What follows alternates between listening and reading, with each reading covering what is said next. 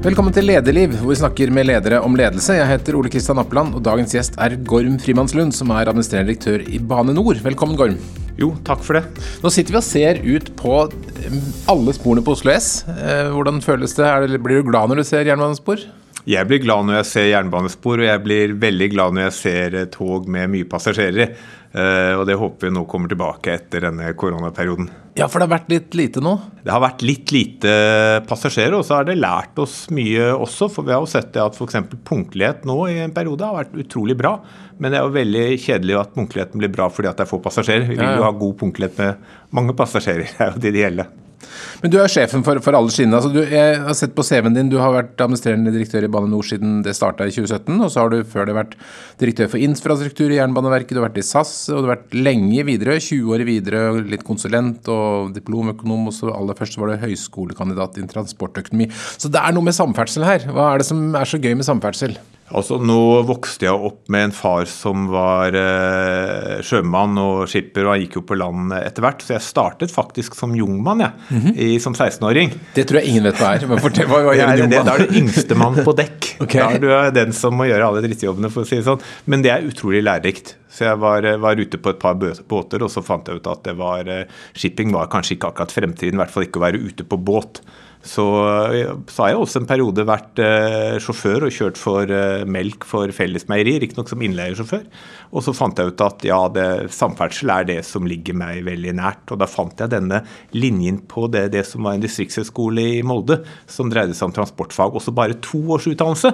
Det passet meg utmerket, for jeg var veldig skolelei. Men hva er det som er så spennende med samferdsel? Det er noe i bevegelse hele tiden. Og så er det kontinuerlig drift. Når vi kikker ut her, det, togene går hele tiden. Det går 24-7. Det, er, eh, det er stort sett alltid aktivitet. Og det er, eh, det syns jeg er, eh, det er action hele tiden, da. For å si det på den måten. Men som bortsett fra faget, så, så har du da blitt toppleder i en veldig stor organisasjon. 3500 ansatte. Har det alltid vært drømmen din å, å bli en toppleder? Nei, når jeg begynte på denne skolen i, i, Molde, så var faktisk ikke min plan å bli leder i det hele tatt. Det skjedde når, mens jeg var i Widerøe at uh, jeg etter hvert ble rekruttert inn først i en, en type lederstilling, og så etter hvert plutselig satt jeg som økonomisjef for en del av økonomienhetene i, uh, i Widerøe. Og derfra så, så, ble jeg litt bitt av basillen, for jeg så at som leder så kan du gjøre veldig mye. Du kan bety en forskjell, og det, det var viktig for meg.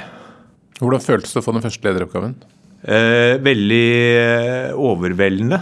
Og så gjorde jeg jo de, alle de klassiske feilene som unge ledere typisk gjerne gjør. Tar altfor mange beslutninger selv, delegerer altfor lite. Og jeg gikk rett inn i en lederstilling med mellomledd. Og det, det tok meg litt tid å, å, lære hvordan du bruker mellomleddene. Eh, men det var, det var veldig lærerikt. Men jeg fant ut at den køen utenfor kontoret mitt, det var ikke en oppskrift på suksess. var, det, var, det, var det litt ubehagelig opplevelse først? Nei, jeg syns ikke det var uh, ubehagelig, for at jeg ble veldig godt mottatt. Og En organisasjon som Widerøe er jo stor familie. Så det er, uh, det er, et veldig fint sted å få prøvd seg ulike lederjobber. Du har jo da jobbet mer med fly enn med tog, egentlig. Du kom, og, og Widerøe og SAS var jo private virksomheter, mens infrastruktur og Jernbaneverket og Bane NOR er, er, jo statlig. Er det store forskjeller på kommersiell luftfart og statlig jernbane? Er, altså, du er jo innom to aspekter nå. fordi at Det ene er det at luftfart er veldig mye mer regulert, veldig mye mer standardisert og, og mer internasjonal. Også, øh, og jernbanen den, i, den, kommer etter, men det bare ligger ganske mange år etter. Og, men blir mer og mer standardisert enn den også togene som går her nå. Nye tog er jo ikke bygd i Norge lenger. Før var det jo det. Nå er det jo noen få fabrikker som bygger tog. Sånn er det innenfor luftfarten. Statlig og privat, der er det, der er det stor forskjell i utgangspunktet. Og så er jo kan du si, Bane NOR som organisasjon, hvis jeg ser på fra Jernbaneverket, i ferd med å nærme seg det som, som ligner på det private. At, altså at du har de samme spillereglene internt som det du har i, i det private. Du tar Avgjørelsen tar du riktignok ikke på, kan si, på ren bunnlinje, du tar det på samfunnsøkonomisk lønnsomhet, men det er fortsatt en lønnsomhetsbetraktning som skal ligge til grunn for beslutningene. Så sakte, men sikkert så, så tenker du litt i samme baner eh, allikevel, så det er overføringsverdi. Men det var stor forskjell på Jernbaneverket og SAS. Det må jeg si, for jeg kom fra et SAS i krise, mm. i full krise, til et jernbaneverk som ikke var i krise eh, og var 100% statlig. Men jeg tror de fleste har fått med seg at det er ganske mange aktører som holder på med jernbane. Det er dere, og så er det noe som heter Norske Tog, og så er det Vy. og så er det, Kan ikke du liksom klare opp i landskapet her? Ja, og det er, eh, det er, litt morsomt du sier, for jeg tok en gang for moro skyld og holdt et foredrag, og så la jeg opp hvordan det organiserte luftfart og hvordan det var organisert jernbane. Det var ikke så forskjellig. ikke sant? For at Du kunne godt sagt at Norske Tog omtrent er et leasingselskap for tog. Nå er det jo litt mer enn det, for at de eier jo alle de togene som, eh, som eh, Vy eide i gamle dager. da. Men veldig overordnet så er det jo Bane NOR som eier infrastrukturen, akkurat samme som Avinor gjør det på, på lufthavnene. Og så har du togselskapene som, eh, som, kjører eh, togene. Eh, og de var jo i en periode i konkurranse med hverandre. Og så, har, så er vi jo nå i en situasjon hvor det blir mer direktetildeling i Norge. Godsmarkedet er i full konkurranse med hverandre. Og så er det, opp til de hvor de kjøper vedlikehold. Eh, for de som har vært med i konkurranse om transportmarkedet, så blir de tilbudt tog fra norske tog. Mm. Flytoget eier sine egne, sine egne, tog. Hvor mange selskaper er det som kjører tog i Norge?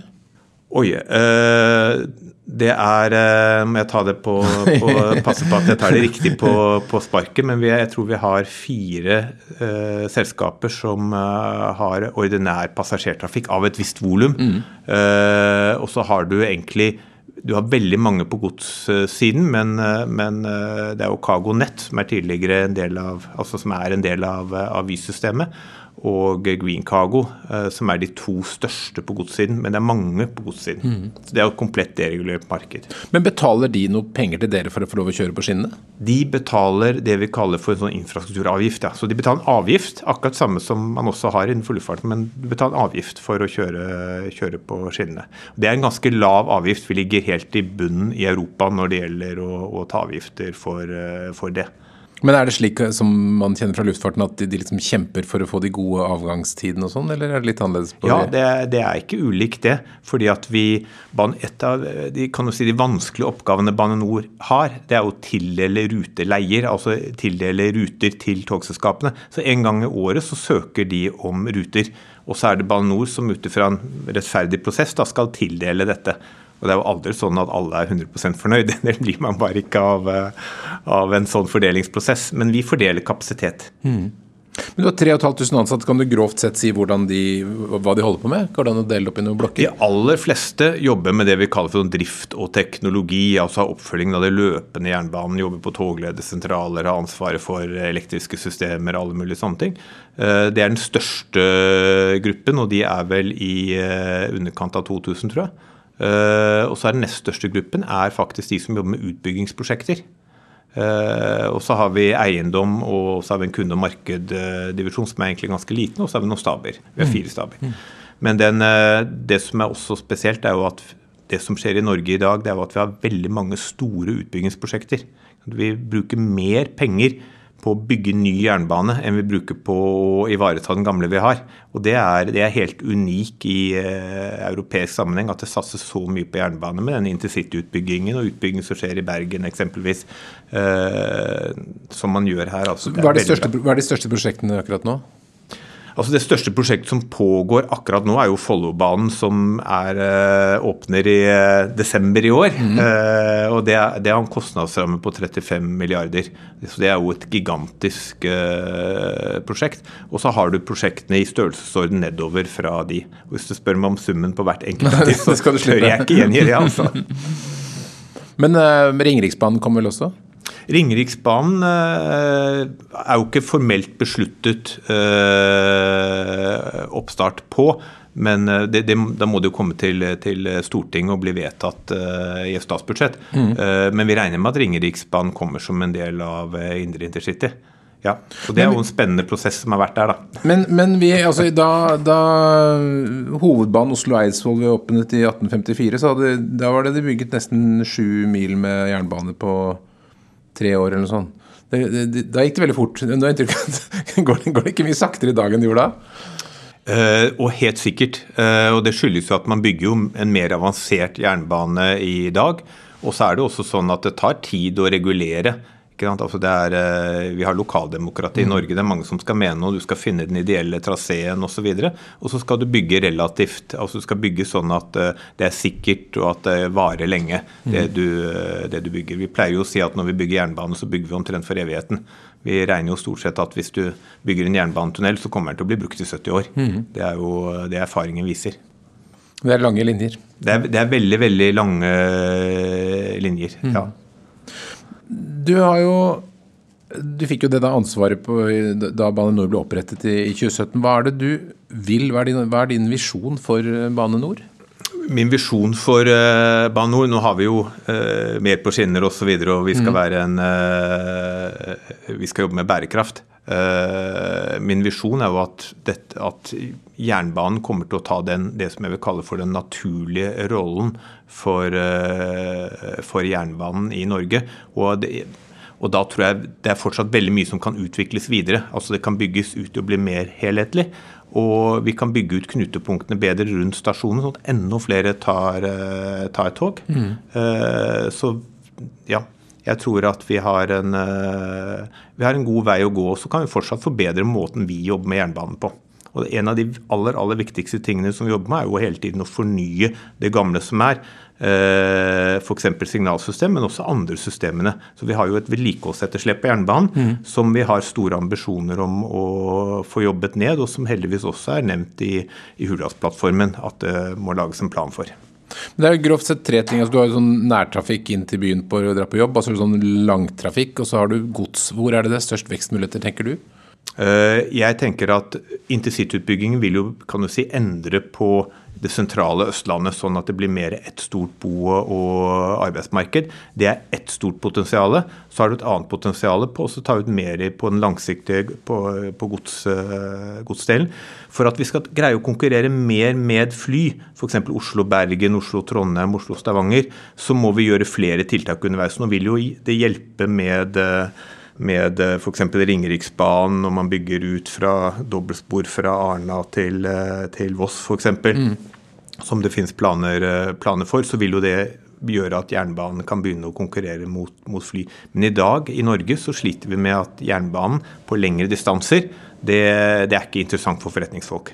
Og så det, har jeg en liten, liten kjepphest, da, og det er det at vi ser jo at er det noe sted hvor det kan være bra å ha høyhastighetsjernbane, så er det faktisk Oslo-Stockholm. Mm. For at du kan koble deg på det svenske nettet. Det er ikke så mye utbygging som trengs å gjøres. Og der er det jo en million flypassasjerer i året. Og jeg var en av dem når jeg drev og pendlet til Stockholm, så jeg vet at mm. der er det marked. Hvor, hvor fort kan det gå? Altså, hvor kort reise kan det bli?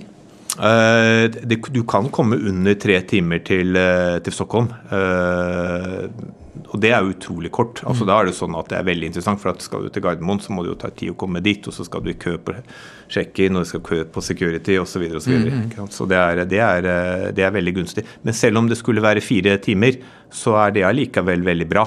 Jeg tror veldig mange ville bytte til tog selv med fire timer. I hvert fall jeg som drev ukependlet, ville gjort det. Mm. Hvis du ser på Norge i forhold til resten av verden, hvordan er vi på togbruk i forhold til andre store land?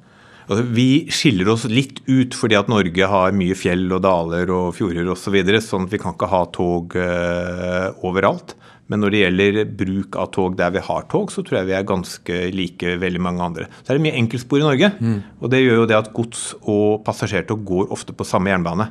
Og Derfor så er vi sånn vi er vel gjennomsnittlig ganske på, på punktlighet på, på, passasjertog, men på godstog så er vi blant, altså er vi enten nummer én eller nummer to for tiden i Europa. Og Det er jo fordi at godstogene må gå punktlig, hvis ikke så får det så store konsekvenser for passasjertogene også. Mm. Vi som bor i Oslo og har litt erfaring med tog, det har jo noen ganger hørt om signalsystem. Dere har et signalsystem her som kanskje ikke er helt topp?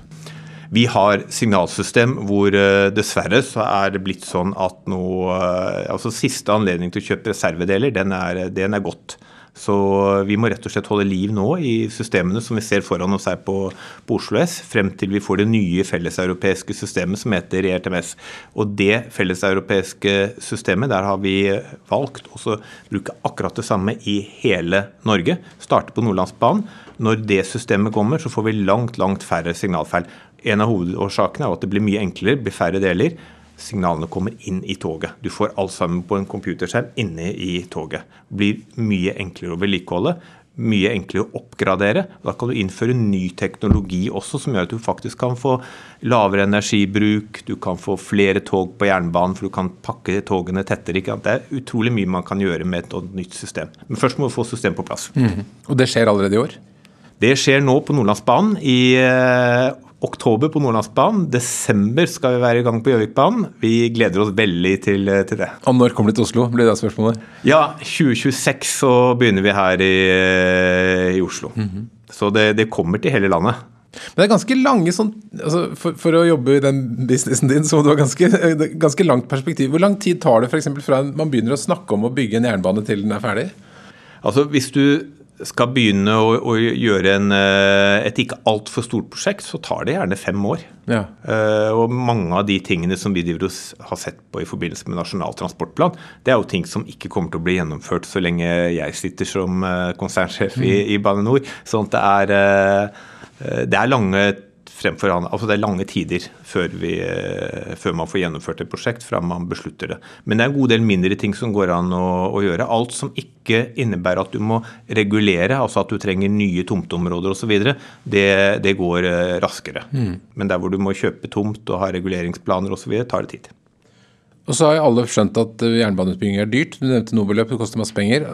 Jeg så du i et leserinnlegg påpekte at dere ønsket rammebetingelser litt nærmere Nye Veier, som jo har revolusjonert eh, veibygging litt. Si litt om det. Hvordan er rammebetingelsene deres for å kunne bygge mer effektivt? Ja, nå er jeg så heldig da, at i slutten av forrige uke så signerte vi avtale med Jernbanedirektoratet, som er faktisk mye nærmere det som uh, Nye Veier har. Uh, hvilket betyr at vi kan uh, i mye større grad bruke penger innenfor porteføljer. Så det gir, oss, eh, det gir oss et større handlingsrom enn det vi har hatt. hvor vi har litt en og en det må du forklare litt, Hva betyr det at du kan bruke innenfor porteføljer? Ja, Det betyr at du har en, en sett med prosjekter, og så kan du skyve penger mellom prosjektene. Mm. Og du kan uh, velge selv i større grad når man gjennomfører tingene ut ifra hva som er mest gunstig måten å gjøre det på. Og så er det jo en del ting som er bundet opp allerede, men det gir større handlefrihet for, eh, for Bane NOR, og også økt finansiell handlingsfrihet. Selvfølgelig så må vi holde oss innenfor de kostnads- og styringsrammene mm. som, eh, som, Stortinget bestemmer, men det gir, det gir oss et, en større grad av fleksibilitet. Og så er det ikke like stor fleksibilitet som det Nye Veier har. For Nye Veier har veldig stor fleksibilitet og en avtale direkte med staten, men det er betraktelig bedre enn det vi har hatt nå i fem år. Mm. Og vi har jo altså Bane NOR har fungert i fem år. Jernbanen har, eh, Utbygging av jernbanen har fungert i fem år. Så kan det være ting vi ikke er like fornøyd med osv., men det har fungert. Men Så det betyr at vi kan vente oss enda mer effektiv utbygging fremover? Det er jo målet vårt. Mer for pengene er jo prioritet nummer én i, vår uh, strategi. Så, så uh, det, er helt riktig. Vi, vi, forventer å greie å bygge ut mer effektivt på denne måten. Mm. Men det er jo mange ting skal på plass for å bygge jernbane. Både Du må ha en beslutning, og du må ha penger, og du må ha eh, lokale reguleringsprosesser og den fysiske utbyggingen. Hvor er det liksom flaskehalsene ligger som du tenker at kan bli enda mer effektive? Flaskehalsene er veldig ofte altså du, Prosjekter har en tendens til å få uh, start og stopp. Og noen start og stopp kommer vi ikke til å greie å unngå å ha. Men det vi kan gjøre, det er at vi, vi, må sørge for å ha nok prosjekter i gang, sånn at vi raskt kan flytte over midler fra et prosjekt til et annet. Sånn at vi greier å holde kan du si, en, en form for kontinuitet i det vi, vi holder på med. Eh, sånn som det har vært nå de senere årene, så har det ofte vært at vi stopper helt opp, og så må vi vente litt, og så kan vi starte igjen. Og da, da ender vi opp med ubrukte midler, og, og, ting blir mer uforutsigbart. Så Derfor så er det viktig for oss å ha si, en sum med penger og en sum med prosjekter, og så prøve å ratte dette så godt vi kan. Mm. Og Det tror jeg alle ville sette pris på. Mm. Men det å lede en organisasjon på 3500 ansatte, det er det ikke så mange som gjør. Du, du, du kjenner jo ikke så mange av dem. Altså, hvordan føles det å ha så mange mennesker under seg? Eh, altså jeg syns at det, det, Jeg vet at det er veldig mye dyktige fagfolk der ute, og er veldig trygg på de som er der ute. Og jeg ser at de, de har jo levert år etter år etter eh, år. Så jeg er veldig komfortabel eh, med det. Er, eh, altså Jernbanen, det er, det er, veldig mye stolthet i jernbanen. Veldig mye dyktige medarbeidere som har jobbet gjerne hele livet på jernbanen og, er, og lever og ånder for det. Og det, det bærer kan du si Bane NOR også prega. Mm. Og det er vi godt fornøyd med. Men gjennom dine mange år da som leder, har du på en måte opparbeidet noen lederprinsipper som du forsøker å lede etter? Uh, jeg har prøvd å Altså fra jeg Det har jo selvfølgelig litt med bakgrunnen å gjøre, men, men, jeg har hele tiden prøvd å forstå hvordan medarbeidernes hverdag er. Og nå helt frem til korona så pleide jeg å ta meg en uke ute i eh, organisasjonen. Dette var noe jeg begynte med når jeg var i, var i luftfarten. Og, og, rett og slett være, litt, være, sammen med folk ute. Lære litt om jobbene de gjør. Altså Være f.eks. Uh, noen dager på togledersentralen her og lære alle posisjonene hva de gjør. Og så lærer ikke jeg kan jo ikke gjøre jobben, jeg må si det. Men, men da, da, vet du litt, og da forstår du hvordan medarbeiderne tenker. Og da, da eh, kan du også lettere forstå de kan du si, beslutningene som vi i den øverste ledelsen i Bane NOR tar. Mm. Så det å både forstå det, og samtidig greie å se de store trekkene i forhold til at du må bygge systemer, du må standardisere, du må få hele organisasjonen til å bevege seg i samme retning osv. Og, så og få se det i sammenheng, det, det er det jeg eh, kan du si, det har preget min, eh, min ledergjerning i alle de jobbene jeg har vært i. Mm.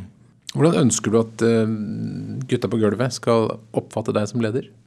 Jeg Det hadde vært Gutta på skinnene, kanskje? Gutta på skinnene, ja. ja. Det, gutta, gutta i pukken. Nei da.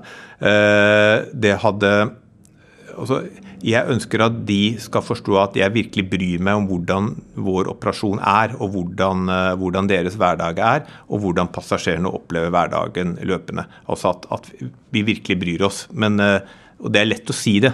Det er, det er, vanskeligere å vise det, og spesielt vanskelig syns jeg det har vært nå i denne koronatiden, mm. hvor vi ikke får vært så mye ute og, og snakket med folk som det vi burde ha gjort. Har det gått utover produksjonen og fremdriften hos dere? Nei, det kan vi ikke si at det har gjort. Vi, eh, vi må se, altså Stort sett så har fremdriften vært veldig bra også under eh, koronaperioden. Og folk har eh, jobbet på som bare det. Og vi har hatt veldig få, heldigvis, da, altså, så har vi hatt veldig få koronautbrudd uh, ute i organisasjonen vår. Så vi har dette med å ta smittevern på alvor osv. Det, har, det har så langt fungert bra. Nå har vi jo en annen smittevariant, så nå vet vi ikke hvordan det kommer til å gå fremover. Men det har gått veldig bra så langt. Mm. I de mange årene da, fra, som leder både i Widerøe, SAS og Jernbaneverket, er det, er det enkelte hendelser som du liksom føler har formet ditt lederskap spesielt? Eh, det altså det som alltid former en, om en, eh, om en vil eller ikke, er jo det når man er med på situasjoner hvor, hvor det skjer ulykker. Mm. Det, det, former en. Og det hele tiden å ha i bakhodet eh, hvordan jobbe på en sånn måte at vi hindrer den typen hendelser å oppstå, det, det merker jeg at jeg bruker tid på. Altså Når vi har hver mandag morgen, så samler, samles ledergruppen, og da går vi gjennom de sikkerhetsmessige hendelsene. Og da har jeg hele tiden i bakhodet å lete etter mønster og se på ting som kunne blitt, blitt veldig farlig. Det, det, preger meg. Og det skyldes også, hvis du ser på hva slags type jobber jeg har hatt i eksempelvis luftfarten, så har det vært veldig mye driftsorientert. Og da, da blir du oppmerksom på det. Da, mobilen er alltid på. Hva er den mest alvorlige ulykken du har vært borti? Altså Den mest uh, alvorlige ulykken som har vært mens jeg var i, var i luftfarten, var jo Torghatten-hendelsen, uh, som var veldig tidlig i min karriere i, uh, i Widerøe, og som jeg ikke hadde noen kan du si, direkte Uh, operativ innvirkning på, men jeg kjente folk som forulykket i den. Det, For de som ikke husker det, så var det et Widerøe-fly som fløy inn i fjellet Torgaten? Det fløy inn i, i fjellet ved Torgaten. Jeg skulle mm. lande i Brønnøysund. etter, Og det var fullt med folk som kom fra konfirmasjon. Mm. Hva lærte du av den hendelsen? Der lærte jeg det at altså man må tenke hele tiden gjennom hva er det som kan gå galt i, i sekvens. Og du er nødt til å ha mer enn én en barriere i det. Og du er nødt til å gardere deg i, eh, så godt du kan i forhold til å ha barriere inne. Så når vi nå snakker, altså når vi nå sitter og ser utover eh, eh togtrafikken på Oslo S, så er det alltid to barrierer. Det er det systemet som gjelder. Sånn Hva legger du i det? Det betyr det at hvis, eh, hvis, noe går galt, så skal det være én barriere til som hindrer Altså et system faller ut, så skal det være én barriere til før, før mm. noe kan gå galt. Sånn at det bør være to tekniske systemer som hindrer at noe går galt. Det er det som er fine med signalsystemer, at du, du får bygget inn sånne ting. Og det er, eh, det er jo derfor det er ekstremt viktig å ha gode, moderne signalsystemer. Og ikke noe negativt om det vi har, men vi har veldig mange utslag i signalsystemet som gjør at du får rødt signal. og Det skal alltid gå tilbake til rødt hvis, det, er, eh, hvis det er fare, men som i realiteten ofte bare er småting å, å ordne opp i. Men nå er det veldig lenge siden vi har hatt noen alvorlige togulykker i Norge? Takk og pris så det, har det vært veldig veldig lenge, og det er gjort veldig mye godt arbeid. Eh, det må sies. Veldig godt. Og Hvis man følger med internasjonalt, så skjer det jo noen få store jernbaneulykker i Europa i løpet av et, eh, et år. Eh, så det blir, det blir, jo færre og færre ulykker. Så vi, all, alle sikkerhetsstatistikk som vi har, går riktig veien. Hvordan er liksom tog, bil, fly, båt si, sammenlignet med hverandre på, i, i ulykkesrisiko? Altså, Dessverre så må jeg si at, at jeg tror faktisk at luftfart nå ligger hakket bedre enn en togtrafikk. Men togtrafikk ligger jo over bil og, og buss og, og, den delen av det. Men det er, jo, det er, jo, mange årsaker til det. ikke sant? Du er på skinner. Du, mm. du vingler ikke til høyre eller, eller, venstre, for å si det sånn. Mm. Ja. Er det andre med hendelser enn ulykker som har formet lederskapet ditt? Uh, så jeg er helt sikkert formet av de menneskene som jeg har, eh, har hatt eh, rundt meg og jobbet sammen med. Og, og, alle de stedene jeg har vært, har det stort sett vært folk som har jobbet lenge i hver virksomhet og hatt en dedikasjon for det de holder på med. Uh, og det, det, å prøve å ta ut det potensialet, det, det har også preget meg. Men i hvor, hvor stor grad, vet jeg ikke. Mm. Uh, men det er alltid bra å kunne lære av dyktige fagfolk. Det er en spesiell situasjon du har. Selv om jo Bane NOR var en slags omdanning, da, så, så, var det i hvert fall en, en ny statlig etat fra, som du fikk lede helt fra begynnelsen. Hvilke tanker hadde du om hvilken kultur du ønsket skal prege den etaten? Altså, Den store endringsreisen som En av de store endringsreisene om jeg er forsiktig med å si det, en av de store endringsreisene som, som jernbanen nå er, er med på, det er jo at altså, før så satt veldig mye mer av kompetansen det satt til enkeltpersonen. Nå ønsker vi å flytte mer og mer av det over på systemsiden. Altså ha felles systemer, felles overvåkning osv. Så, videre. så ønsker vi jo ikke å forvitre den første delen, vi ønsker jo at det skal komme i tillegg. Men, men det er en stor endring. Det betyr det at hvordan du gjør en oppgave ett sted i landet, den skal nå være felles med hvordan du gjør arbeidsoppgaven i resten av landet, så lenge arbeidsoppgaven ellers er lik. Og, det, og, den måten å tenke på, den systemtankegangen, den drar jeg jo veldig med meg fra luftfarten. Mm. Og Der ser jeg at jernbanen har fortsatt mye å lære på den siden der. Men jernbanens dedikasjon til og, og, dybden som fagkunnskapen går i den eh, på den enkelte, det, den er suveren for jernbanen. Mm. Det er, det er, eh, her er du altså Høy ansiennitet på jernbanen, det er fjerde generasjon, ikke sant? Det er, det er høy ansiennitet. Hva, hva, tror du det er? Hva, hva er det som skaper den varme kjærligheten til jernbane? Uh, altså det, det, er jo noe emosjonelt i, i det. Og jeg, jeg, tror folk lærer å ånde og leve for det veldig tidlig. Og så får du det inn med, gjerne får det med morsmelken. Mange gjør det. Og så typisk så er det veldig mange også som finner sin partner innenfor samme sektor. Uh, og da, da, er det det man er veldig, veldig opptatt av. Det er jo så mange dedikerte mennesker. Altså Hvis man ser Eh, F.eks. på alle de klubbene som eksisterer i form av eh, ja, ta Norsk jernbaneklubb, da, eh, som driver og, og tar vare på gammelt materiell. Det er jo masse masse folk som er med der, og også folk som ikke kommer fra jernbanesektoren. Men folk liksom elsker å holde på med det med tog. Du har sikkert mm. sett den der Trainspotters-filmen, selv om den dreier seg om litt mer enn bare jernbane. Men, men, det er jo et lite paradoks her, fordi at folk er glad i jernbane. og Det er miljøvennlig, og det er riktig, og det er distrikt og masse sånn. Men samtidig så er jo ikke Bane Nor et selskap som er elsket av folk flest. Det, det Nei, og det tror jeg ligger litt i, i rollen vår. Altså, vi leverer eh, det grunnleggende. Og funker det? Altså, fungerer det bra? Så, så, blir det ikke spesielt lagt merke til at i dag gjorde Bane NOR en god jobb. Da, da, legger du merke til at toget ditt gikk når det skulle. Skulle for bare mangle, men det, det, det, legger du merke til. Men fungerer det ikke, da kommer veldig fort Bane NOR høyt opp på oppmerksomheten. Og da er, eh, Hvis vi har eh, utfordringer et eller annet eh, sted, så, så, blir det lagt merke til. Og Det gjør jo at omdømmet til Bane NOR det har vi jobbet hardt med det siste. Det er mm. på vei opp, men det er, en, det er langsiktig jobbing. Veldig langsiktig jobbing. Føles det litt urettferdig? Noen ganger så føles det litt urettferdig, men samtidig, altså sånn er det jo bare. Det, er, det må vi jo bare ta med oss. Sånn er det jo. Ja, ja. Dere prioriterer kommunikasjon ganske høyt. Det er en svær kommunikasjonsavdeling. Det ble skrevet at det var 50 stykker. Eh, hvorfor, eh, eller hva, hva tenker du om prioritering av kommunikasjon? Er det viktig?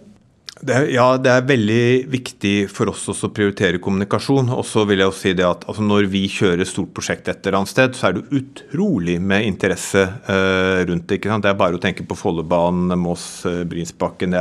Vi kunne nevnt masse eksempler. Det kommunikasjon rundt sånne saker er veldig veldig viktig. Så er det også det at hvis noe ikke fungerer 100 så er kommunikasjon veldig viktig. Så har vi veldig mange medarbeidere der ute som vi også må prøve å nå på best mulig måte. Så totalt sett, altså kommunikasjon for Bane Nor er viktig også for oss å Altså når vi sliper skinner, gjøres gjerne om natten, støyer ganske mye. for Vi kan ikke gjøre det om dagen når det går, går tog. Veldig viktig å informere naboer og andre grundig om den typen uh, hendelser. Så prøver vi også å bruke litt uh, penger på å fortelle publikum hva Bane Nor faktisk er for noe. Mm. Uh, kan vi spørre hvor godt vi lykkes med det, men i hvert fall så, så har vi jo en positiv omdømmeutvikling da, heldigvis. Mm. Og så gjør dere jo faktisk mer enn tog. For det, dere er jo en utbygger også av ganske store prosjekter? Vi er en Altså, jernbanen har jo eid fryktelig mye eiendom. Og så var det sånn at Opprinnelig så var det NSB som hadde dette, og så lagde de et eiendomsselskap. Og når vi hadde denne jernbanereformen, som, som kan du si ble iverksatt først i, først i 2017, så fikk vi over det eiendomsselskapet. Det ble da Bane Nor Eiendom eh, AS. Mm. Uh, og vi eier uh, f.eks. alle togverksted, og vi eier ganske mye areal som brukes til jernbanen. Men stadig vekk så er det også at jernbanen blir jo mer og mer effektiv. Vi trenger mindre areal. Og da har vi funnet ut at ja, da er det mest økonomisk fornuftig for Bane Nor å få utviklet den eiendommen, og så avhende den. Eh, det som er veldig tett på, altså sånn som Oslo S, den, den avhender vi jo ikke. Men, eh, men eh, eiendom som f.eks. det kontoret som Bane NOR sitter i rett nedi gata her, den, det utviklet vi. Hadde en samarbeidspartner som bygget det. Og så har vi solgt det til DNB Markets. Og de pengene bruker vi på jernbanen. Og så er det vel ikke kjent for alle at dere har vært et av selskapene bak Bjørvika-utbyggingen? Vi var et av de tre selskapene bak Bjørvika-utviklingen, og vi solgte det jo for, for i underkant av en milliard. Det var vel 900 og noen millioner. Og det, er, eh, det, var jo en utrolig god butikk for jernbanen, og det er jo penger vi bruker på jernbanen. Så pengene går jo da tilbake til jernbanen, men mye av det var jo opprinnelig jernbaneareal også. Men, men Kan det være at det at dere driver og bygger sentrumsutvikling, tar det litt fokus vekk fra det å bygge skinner?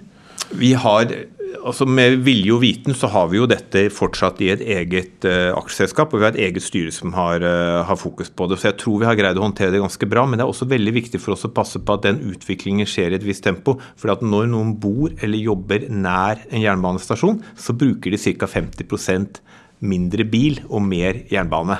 Og Derfor så er det, det, å bygge ut knutepunktene, det, det, er veldig veldig positivt for jernbanen. Så oppe på Ski vi skal åpne Follobanen i, eh, i, desember 2022. Eh, de overflatearealene der som du ser brukes til parkering, der har vi tenkt å bygge boliger. Vi har tenkt å bygge næringsareal. Vi kommer til å ha parkeringsareal i kjelleren, men vi kommer til å utvikle Ski på en helt annen måte. Det, og det kommer til å bety en voldsom vekst for folketallet på Ski. Og uh, dette kommer til å bli veldig, veldig bra. Mm. Er det noe, dere tenker liksom over hele landet, at dere skal utbygge på stasjonene? Vi, vi, tenker det over hele landet, for at folk som bor nære stasjonen, de, de bruker ikke bil. Dette er veldig bra bærekraft. Mm. Når du sier uh, økonomi, altså samfunnsøkonomi Det er så vanskelig å regne for samfunnsøkonomi versus samfunnsøkonomi. Er, er, det lønnsomt å drive med tog, eller er det bare fordi at det er eh, grønt at det er samfunnsmessig lønnsomt å drive med tog? Altså, hvis du regnet all togdrift i hele Norge og, og, og, glemmer kan du si, den samfunnsøkonomiske siden av det, så vil man nok komme frem til at dette, er, dette tar penger over stats, eh, statsbudsjettet. Og så er det også sånn at Hvis du ikke kjørte de togene, så må du bygge ut, bygge ut vei veldig mye mer. Og, og jernbane er mer arealeffektivt enn vei. Og da, da, hadde du virkelig trengt veldig mye mer.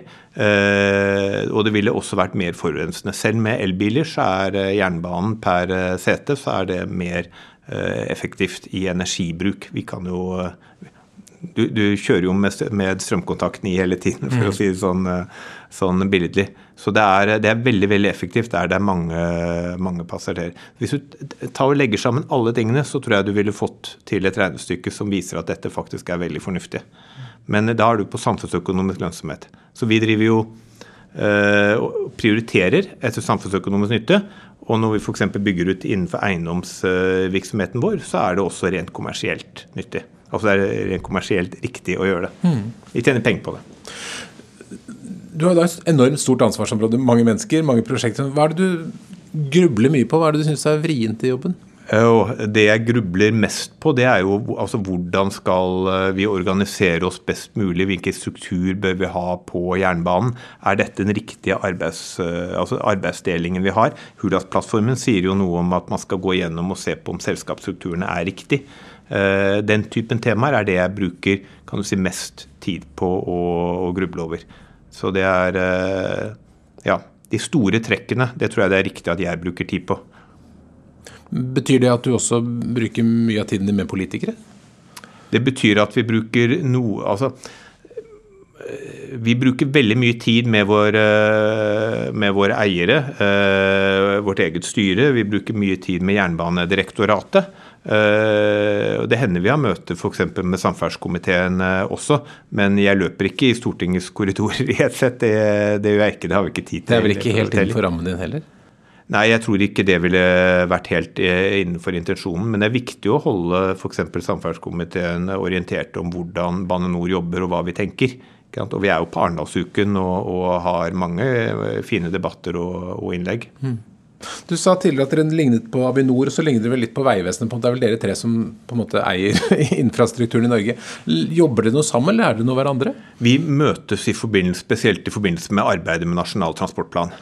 Og så møtes Bane Nor, Nye Veier og Statens vegvesen ofte i form av at vi er tre veldig store byggherrer uh, og har prosjekter som av og til ligner litt på hverandre. Uh, vi lager uh, huller i fjell og vi lager broer og osv. Så videre. sånn vi har, vi har veldig tett kontakt innenfor, mellom de, de, tre enhetene spesielt. Men også selvfølgelig med Avinor når det gjelder Nasjonal transportplan, og også med Kystdirektoratet og andre. Mm. Bygges det noen prosjekter sammen og bygger jernbane og vei samtidig? Vi eh, har jo hatt prosjekter hvor det har eh, skjedd. Vi holdt, altså Det Siste fellesprosjektet som, som gikk for fullt, det var eh, det vi hadde oppe mellom Venjar og jeg bare passe på at jeg sier riktig. Snakker vi langs Mjøsa? Er det, Lang, er det Mjøsa vi snakker om? Kløvre var det, tror jeg. Langset Kløvre. Du er, så, du er så detaljerte navn at jeg kjenner ja, ikke hvor det er. Det er langs Mjøsa. Langs Mjøsa, ja, for det, det kan jeg huske å ha sett. ja. ja. Så det, var, det, er det siste prosjektet som var kan du si, et klassisk fellesprosjekt. Eh, men når du bygger tett på hverandre, så er det jo bra for naboer og andre at du bygger felles. Eh, Ringeriksbanen blir nok et fellesprosjekt, eh, men det blir nok da et Nye Veier-prosjekt hvor de mm. har hovedansvaret. Så der kan vi se vei og jernbane sammen i noen grad? Da vil du se at man bygger deler av vei og jernbane ut samtidig, som er en fordel for de som, som bor i nærheten. Mm. Hva er du mest stolt av at du har fått til på disse årene du har vært leder? Altså det eh, Hvis du spør meg om, om Bane NOR-tiden ja, ja, Bane Nor, vi tar Bane Nor. Så, så, er det det at vi har fått Bane NOR opp og stå fra Jernbaneverktiden. Vi har gjort stor omstilling i eh, Bane NOR, gjort mange endringer. Eh, Eksempelvis så har vi jo halvert antall togledersentraler. Og vi har hele tiden fått dette til på en sånn måte at trafikken har gått bra, og, og kan du si, organisasjonen har fungert på en, på en akseptabel måte. Så det, det, er jeg stolt av at vi har fått til. Det er det som jeg oppfatter har vært det vanskelige. altså Hvordan få til så store endringer uten at, uh, uten at det blir for store gnisninger internt. da. Og Hva ser du frem til å få til de neste årene? Også dette, det som eh, jeg virkelig gleder meg til, det er jo selvfølgelig nytt signalsystem som vi skal få opp og gå. Og så gleder jeg meg veldig til at vi får åpnet uh, Follobanen og, og eh, får nå satt det ene store prosjektet etter det andre i, i produksjon. Mm. Og det er Når Bane Nor startet, så tror jeg vi hadde tre store prosjekter under bygging. Nå har vi snart åtte store prosjekter under bygging. Altså det skjer fryktelig mye på jernbanen. Så det kommer til å bli sjeldnere at man forbinder Bane NOR med signalfeil da, etter hvert? etter hvert så tror jeg det kommer til å bli helt borte. Nei da. Det er lov å håpe. Vi satser på det. Du, helt til slutt, Hvis det kommer en eh, person til deg og sier jeg har lyst til å bli sånn leder som deg, jeg vil lede en stor eh, statlig etat, hva er de tre viktigste lederrådene du vil gi?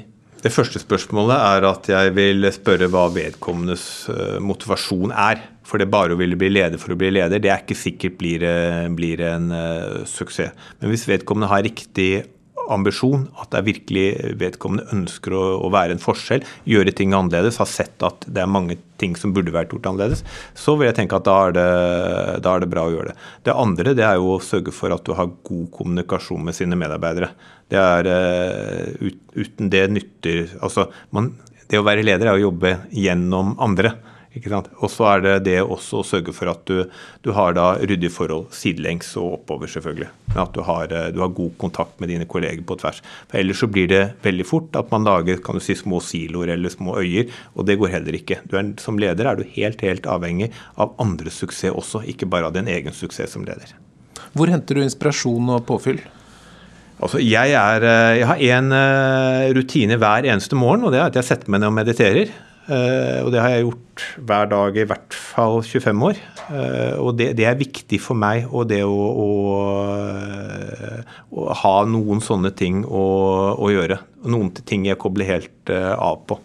I en lang periode nå frem, frem, mot korona så pleide jeg og kona å gå og danse en gang i uken. Det er også sånne ting som du får, du får tankene helt på andre ting. Så det er, det er, jeg har noen sånne ting som jeg liker å gjøre, som gjør at jeg tenker helt helt annerledes. Meditasjon er spennende. Er det noe man har, har du gått på kurs og lært? Eh, jeg har gått på kurs og lært noe, og så er det, er det noe som eh, Etter hvert nå så setter jeg opp mine egne meditasjoner. Mm -hmm. ja. Så spennende. det, det syns jeg er, eh, er, spennende. Men det som passer for meg, er ikke sikkert passer for alle andre. Men hva har du igjen for det, da? Uh, jeg mener Jeg kan bare si ja, at ja, Det er du som svarer på spørsmålet. ja, jeg mener jo at, at det hjelper i meg å kunne fokusere. Og det en ting som det virkelig hjelper meg på, det er at jeg, kan, jeg greier å velge vekk tanker. Jeg greier å styre tankene mine sånn at jeg tenker på det som er vesentlig, og ikke la meg forstyrre av alle andre tankene som kunne komme opp. Og det er eh, og det å kunne fokusere, det er som konsernsjef er jeg helt, helt nødt til det. Mm. det er, du er bombarderes med informasjon og inntrykk hele tiden, så du må kunne fokusere og skille ut og si at dette er det jeg nå skal jobbe med i dag. Fin avslutning. Gorm Frihansen, tusen takk for at du kom til Lederliv. Ja, takk skal du ha. Tusen takk for at du lytter til Lederliv. Det setter vi pris på. Det er ordentlig gøy å snakke med ledere, men det er ekstra gøy hvis noen hører på. og Det er vi glad for at det er mange som gjør. Redaksjonen består av Ellen Paulsen, Lars Elle Melum, Lars Volden og meg som heter Ole Kristian Appeland. Og vi er eh, stadig ute med nye episoder hver eneste fredag. Og vi tar gjerne imot tips om ledere som bør intervjues på lederliv. Og ros og ris eh, om det er noe dere syns er bra eller dårlig. Det er også mulig å trykke stjerner der man eh, ser på eller plukker frem podkaster. Og abonnere, selvfølgelig. Takk for at du lytter.